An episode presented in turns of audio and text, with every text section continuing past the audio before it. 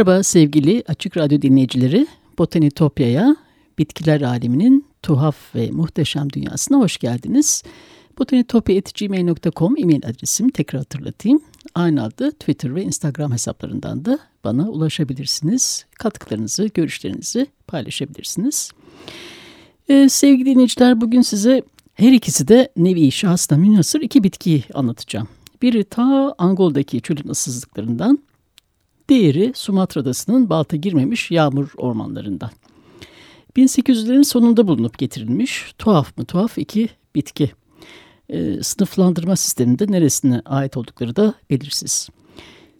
Eğer biri size e, kuş uçmaz kervan geçmez bir çölün ortasında e, bükülmüş eğri büğrü yaprakların ortasında garip biçimli kozalaklar olan sadece iki, iki yaprak veren ve e, onlarla 2000 yaşına kadar yaşayan bir bitki olduğunu söylese e, bunu şüpheyle karşılarsınız ancak bilim kurgu filmlerinde karşınıza çıkacağını düşünürsünüz. E, bu anlaşılabilir bir durum ama işin aslı şu ki böyle bir bitki gerçekten var.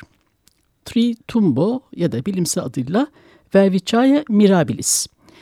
Charles Darwin onu e, bitki dünyasının ornitorengi ilan etmiş.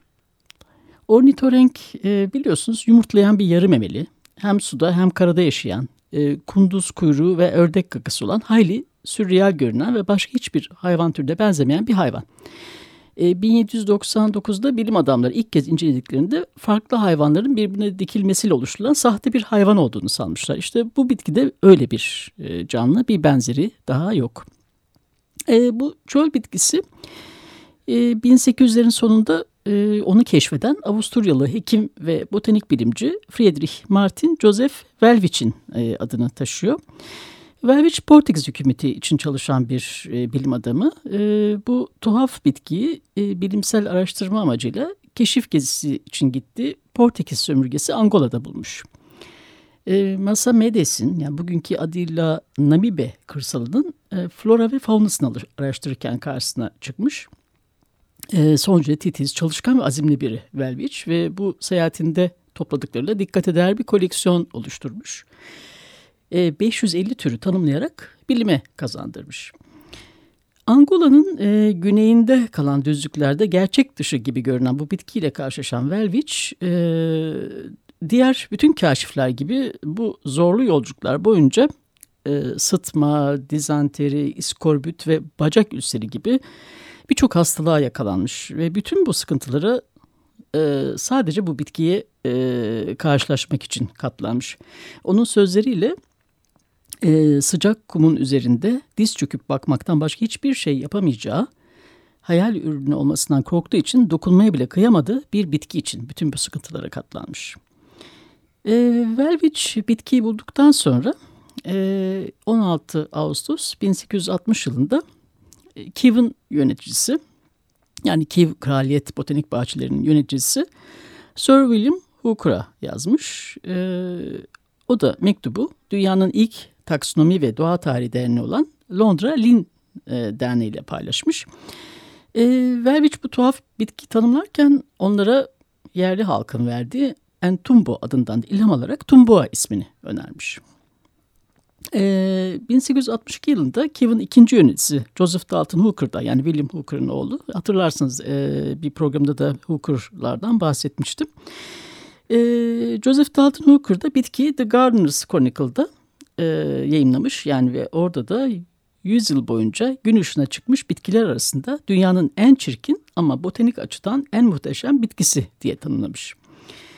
E, bitkinin özelliklerini anlatan daha detaylı bir makale e, Lin Derneği tarafından 1863 yılında yayınlanmış ve bu kez e, kaşifi Welwich onuruna olağanüstü anlamda taşıyan Welwichiae mirabilis adı verilmiş. E, bitki botanik bilimcilerin çok ilgisini çektiyse de Welwich'in e, ticari değeri olan bitkiler bulması için e, onu Angola'ya gönderen e, sömürgeci Portekizli işverenini pek de fazla memnun etmemiş. E, botanik dünyasını alt üst eden, e, eşi benzeri olmayan bir bitki olsa da e, ticari anlamda onlara kar getirecek ekonomik bir değeri yoktur.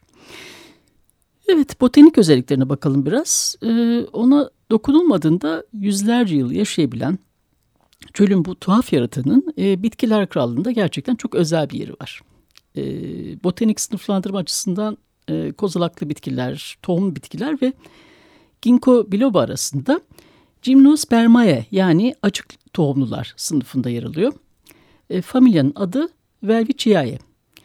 Habitatı ise sınırlı bir alan. Nabib çölünün sahil şeridi. E, dünyanın en eski çöllerinden biri olan Nabib e, geniş bir şerit halinde Atlas Okyanusu boyunca Afrika'nın güneybatı kıyısında uzanıyor. Bir parçası da bitkinin bulunduğu Angola'ya dek ulaşıyor. E, düzensiz ve çok az yağış alan bir bölge burası. E, çölde yaşayan hayvanlar ve bitkiler sahil sisinin getirdiği çok az miktarda yaşamsal sudan yararlanıyorlar. Dünyanın bu en çirkin bitkisi ise çöl bölgesinin kuzeyinde kalan küçük bir şeritte yaşıyor. Evet yani devasa boyutlara ulaşan Verviç e, pek güzel görünümlü olmayabilir ama huyu ve suyuyla kesinlikle olağanüstü bir bitki. E, nasıl bir yaşam döngüsü var? Bu zorlu çöl koşullarında yüzlerce yıl nasıl yaşıyor derseniz e, bitki suya ulaşmak için toprağın en derinliklerine kadar uzanan kazık köke sahip. E, kökün üst kısmını kaplayan süngersi kök şebekesi e, seyrek yağış alan bölgedeki yerüstü sularını her an çekmeye hazır bir durumda.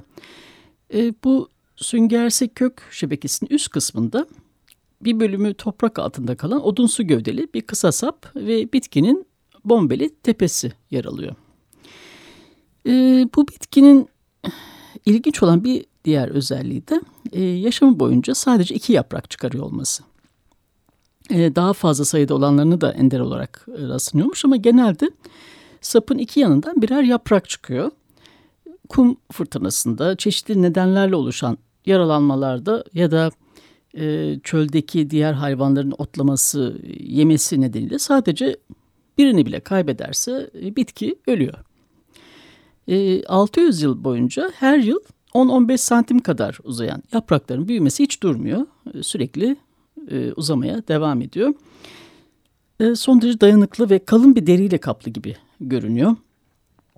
Zamanla e, kum fırtınalarının e, etkisiyle yaprakların böyle şerit şerit bölündüğü de oluyor. Yani o yüzden e, sanki ikiden fazla yaprağı varmış gibi de yanıltabiliyor insanları.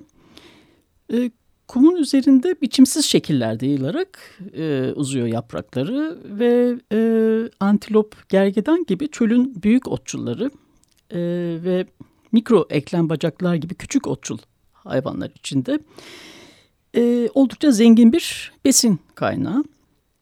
E, paramparça, yırtık pırtık ve bükülü yapraklarının pejmürde görüntüsü nedeniyle bu bitkilerin e, bitki krallığının en uzun yaşayan yapraklı bitkileri olduğunu inanmak gerçekten çok zor.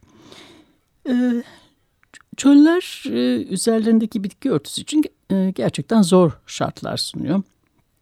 E, bitkilerin savunma mekanizması da ona göre olmak zorunda. E, sıcak güneş ışınlarını yansıtabilmeli, su depolayabilmeli ya da küçük korunaklı bir gövdeye sahip olabilmeli. E, Velviciae bitkisi e, güneş ışınlarını yansıtmakta çoğu bitkiden daha başarılı ama e, küçük boyut, özel su depolama organları ve mumlu yapraklar gibi e, çöl bitkilerine özgü bazı adaptasyonlar geliştirmemiş. E, dolayısıyla Namib çölünde böyle büyük yapraklı bir bitkinin yaşamını sürdürüyor olması gerçekten çok şaşırtıcı. E, Velviçe'yi bunun yerine e, üzerinde su ve gazların giriş çıkışlarını sağlayan e, küçük gözenekler olan stomalarını esnek bir biçimde açıp kapatacak şekilde evrim geçirmiş. E, karbondioksitten aldığı karbonu fotosentezi hazır organik asit halinde depolayı öğrenmiş. Yani ilginç bir yaşam formu. E, Velviçiye e, bitkileri e, erkek ve dişi bitkilerin oluşturduğu kozalaklara da sahip. Erkek kozalaklar polenleri üretiyor. Onlar da rüzgarda uçarak dişi kozalaklar üzerindeki yapışkan maddeye yapışıyor. Çoğu doğal olarak kısır ya da onları kaplayan mantarlar yüzünden hasarlanmış e, tohumlar bunlar ama e, yoğun bir yağmurdan sonra belli oranda da filizlenebiliyor. E, Velvichaye'nin ürettiği 10 bin 20 bin arası tohumdan sadece 200 kadarı e, filizlenme potansiyeline sahip. Yani çölün diğer hayvanlar için barınak da olabilen bir bitki. E, bitkilerin alt kısmında Grace Lark denen bir kuşun yuva yaptığı, e, yılanların, kertenkele ve eklem bacaklarının koruma yeri olarak da kullandığı görülüyor. E, bugün bu ikonik bitkiler bu bölgede oldukça yaygın durumda ama dünyanın başka hiçbir yerinde yetişemiyor. Kimileri doğal parklarda koruma altında ve bölgesini temsil eden bitki olarak turizm endüstrisine hizmet ediyor. Velviçe bitkisi sadece insanların ya da fırtınaların yol açtığı hasarlar nedeniyle değil bir e, iri antilop cinsi olan oryx, e, keseli ceylan ve siyah gergedan gibi otlayan hayvanlar nedeniyle de koruma altına alınması gereken bir bitki. E, tarihsel e, geçmişine bakarsak Velvicia'yı ataları tohumlu bitkilerin dünyaya egemen olduğu dönemde. E, 200 milyon yıl önce ortaya çıkan kadim bir bitki. E, fosil kalıntıları Velviciae ailesinin bir zamanlar çok daha geniş bir alanda ve çok daha nemli ortamlarda yaşadığını gösteriyor. E, Afrika ve Güney Amerika kıtaları ayrılırken yaygın bir biçimde yaşamaya sürdüren ve dinozorların yok olduğu dönemi temsil eden e, bir bitki. Ancak bu bitki ancak 1860'larda e, iki kaşif sayesinde botanik dünyasının merkezi olan Londra'daki Kiev Kraliyet Botanik Bahçesi'ne ulaştığında e, modern botanik biliminin ilgi alanına girmiş oluyor. E, İngiliz sanatçı e, ve kaşif Thomas Baines de e, Namib çölünden aldığı örneği Kiev'e göndermiştir. Yürüyerek dolaşmıştır burayı. E, Joseph Dalton Hooker da mikroskop başında saatler geçirerek e, bu kendine özgü bitki hakkında bir kitap hazırlamıştır ama Welwich'in e, bitki peşinde dolaşırken çektiği sıkıntılarla ve hastalıklarla karşılaştırılamaz elbette. Evet sevgili dinleyiciler, dilerseniz bir müzik arası verelim şimdi. Herbert von Karajan yönetimindeki Berlin Filarmoni Orkestrası'ndan Piotr İliç Çaykovski'nin Yaylar için Opus 48 Do Majör Serenatını dinliyoruz. Ee, birkaç dakika sonra tekrar karşınızdayım. Bir diğer tuhaf bitkiyi ceset çiçeğini anlatacağım.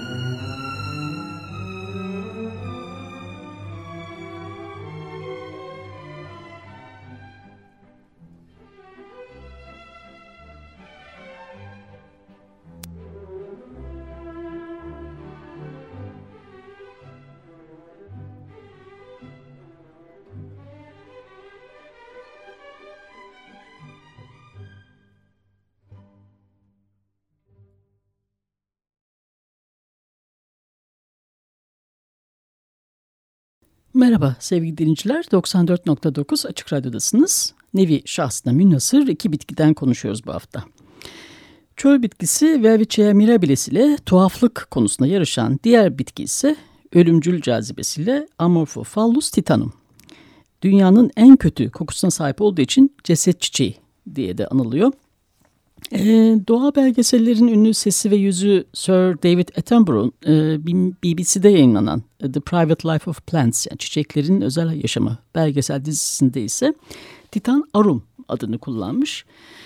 Amorphophallus kelimesini sık sık tekrar etmenin absürt olacağını düşünmüş olmalı. Ben de onun izini takip edip öyle söyleyeceğim. E, Titan Arum 1878 yılında Sumatra'da yağmur ormanlarının derinliklerinde İtalyan doğa bilimci Odoardo Beccari tarafından bulunmuş. E, büyüklüğüyle dünyanın en devasa bitkilerinden Rafflesia arnoldi'yi bile aşan çiçeklerin devi diye basına tanıtılmış. Ee, Avrupa bilim çevrelerinde yine hem şüpheyle hem de şaşkınlıkla karşılanmış o dönemde. Ee, o yılların saygın yayınlarından olan The Gardeners Chronicle e, Aralık 1878'de e, farklı yumru ve tohumların Floransa'ya sağ salim vardığını, gayet sağlıklı ve formda göründüğünü söyleyerek ihtiyatlı bir tavırla e, bitkilerin ve hayvanların fosil kanıtlarına bakarak dünyanın en büyük bitkisi olduğunu söylemekten kaçınıyoruz. Ama işin doğrusu bugünün devleri de bunlar. Ama Sumatra'da şu anda varlığını sürdüren başka devler olup olmadığını da bilmiyoruz diye bir beyanatta bulunurlar. E, Beccari The Gardens Chronicle'da bulduğu bitkinin büyüklüğünden bahsederken oldukça heyecanlıdır. Ayakta duran bir insan e, elini yukarı uzattığında çiçeğin tepesine zar zor ulaşabiliyor. Ve açık kollarıyla çiçeğin yükseldiği tabandan huni biçimli sıpatının ancak yarısını çevreleyebiliyor diye tanımlıyor. E, Beccari elbette çiçeğin ölçüleri hakkında abartmıyordu. E, 3 metreye kadar büyüyebiliyor bu çiçekler. E, çiçeklenme olarak tanımlayabileceğimiz bir formda tam kök üzerinden açıyor. E, bitkilerin bu kötü kokulu çiçeği spat denen, aslında spat İngilizcesi, Türkçe'de de spat deniyor. Spat denen dış kısmı koyu yeşil, iç kısmı koyu kırmızı renkte büyük bir taç yaprağıyla e, sarılıyor. E, çiçekler tozlaşmaya hazır olduğunda e, bitkilerde termogenez denen bir süreç başlıyor ve çiçeğin tepe noktası 36 ile 38 dereceye kadar ısınıyor. E, termogenez canlıda ısı üretimi işlemi. Bütün e, sıcakkanlı hayvanlar ve titam arum gibi birkaç termojenik bitkide görülebiliyor. E, bitki ardından bitkinin tozlaştırıcısı olan e, yaygın ve türler olan göksinekler, e, kın kanatlar ya da küçük balarlarını cezbedecek e, çürümüş et kokusuna benzeyen son derece güçlü ve mide bulandırıcı bir koku salıyor. E, bitkinin sıcaklığı, kokusu ve rengi e, çürüyen cesetlere benzer olduğu için sinekleri de tabii kendine çekiyor. E, o kadar itici bir koku ki bu e, Titan aromun e, ceset çiçeği olarak anılması da boşuna değil. Odoardo Beccari Florans'taki botanik bahçesinde e, patronu Marquis Bardo Corsi Salviati için getirdiği tohumlardan e, birkaç filiz yetiştirmiş. Onlardan birkaçını da Kiva göndermiş. E, daha sonra kısa bir süre e, burada da çalışmış Beccari. E, Kiva'da çalıştığı dönemde e, Joseph Hooker ve Charles Darwin'le birlikte de çalışmış olmalı. E, bu sürede büyük bir ihtimalle e, Borneo adalarından Sarawak'a uzanan e, ve Titan Arum e, ile onu bilim dünyasının zirvesine taşıyan e, keşif yolcundaki e, en önemli ortağı James Brooke ile de e, tanışmış olmalı. E, Titan Arum yaklaşık 10 yıl sonra 1889 yılında Kiev'da ilk kez açtığında olay yaratmış ve halkın büyük ilgisini çekmiş. E, o zaman e, o acımsı kokudan ziyaretçiler de neredeyse hastalanacak kadar rahatsız olmuş. E, Kiyu'daki ilk çiçeklenmesini e, Curtis Botanical Magazine için e, Matilda Smith e, resmetmiş, bitki ressamı. E, tabii bitkinin farklı aşamalarında gözlemlemek, çizmek ve doğru renklerle boyamak için epeyce bir e, mesai harcamış Matilda Smith ve saatlerce e, kendi tarifiyle çürümüş balık ve yanmış şekerin bilişimi e, diye tarif ettiği o kokuyla baş etmek zorunda kalmış. Hatta sonunda hastalanmış da. E, 1926 yılında bu bitki yeniden çiçeklendiğinde ziyaretçilerin akınına uğramış. Hatta kalabalıkları kontrol etmek için polis bile çağrılmış o dönemde. E, Titan arum bugün hala kültüre alınması en zorlu bitkilerden biri. E, en iyi koşullarda bile yeniden çiçeklenmesi 8 yılı bulabiliyor. 2005 yılından beri yapılan bilimsel çalışmalar, işte elde edilen e, yeni veriler e, ve uzmanlıklar sayesinde her yıl bir çiçek açar duruma gelmiş ve her açtığında da kalabalıklar o berbat kokusuna rağmen onu görmek için hala e, akın akın botanik bahçesine koşuyor. Dünyanın en çirkin ama belli ki en çok merak uyandıran çiçeği. E, iki ay önce yine e, Kew Garden'da yine burunlar tutuldu ve geril sayım yapıldı ve Galler Prensesi serasındaki Titan Arum açtı. E, iki gün boyunca yüzlerce insan tarafından ilgiyle izlendi. E, hatırlayacaksınız e, bitki ressamı Işık Güner de e, radyodaki sohbetimizde e, Edinburgh Royal Botanical Garden adına e, e, iki, e, üç bitki resim olarak yani diğer bitki ressamları da Jacques Pestel ve Sharon Tingey onlarla birlikte bir proje kapsamında Titan Arum üçlemesi yaptığını anlatmıştı. Hatta yıllar sonra çiçeklenme aşamasında tanık olarak resmi tamamladıklarını söylemişti. resim sanıyorum Kraliyet Bahçesi'nin koleksiyonunda bugün eğer yanlış hatırlamıyorsam. sevgili dinleyiciler bütün bu bahsettiğim çizimlerin görsellerini de Twitter'dan paylaşacağım sizinle. E, kitap önerilerimi de söyleyeyim unutmadan. Bu bitkilerin keşif hikayelerini anlatırken e, Q e, yayını, Botanical Treasury ve yine e, Q yayını ama e, İş Bankası yayınlarından Türkçe olarak yayınlanan e, Dünyayı Biçimlendiren Olağanüstü Kitap, e, Bitkiler kitaplarından yararlandım. E, size de tavsiye ediyorum. Evet sevgili dinleyiciler, Botanitopya'daki keşif yolculuğumuz bu hafta da buraya kadar e, botanitopya.gmail.com e-mail adresimi hatırlatayım. Botanitopya adlı Twitter ve Instagram hesaplarından da her zaman bana ulaşabilirsiniz. Yorumlarınızı ve katkınızı paylaşırsanız çok mutlu olurum. Beni dinlediğiniz için çok teşekkür ediyorum. Bir daha görüşünceye dek sevgiyle ve doğayla kalın.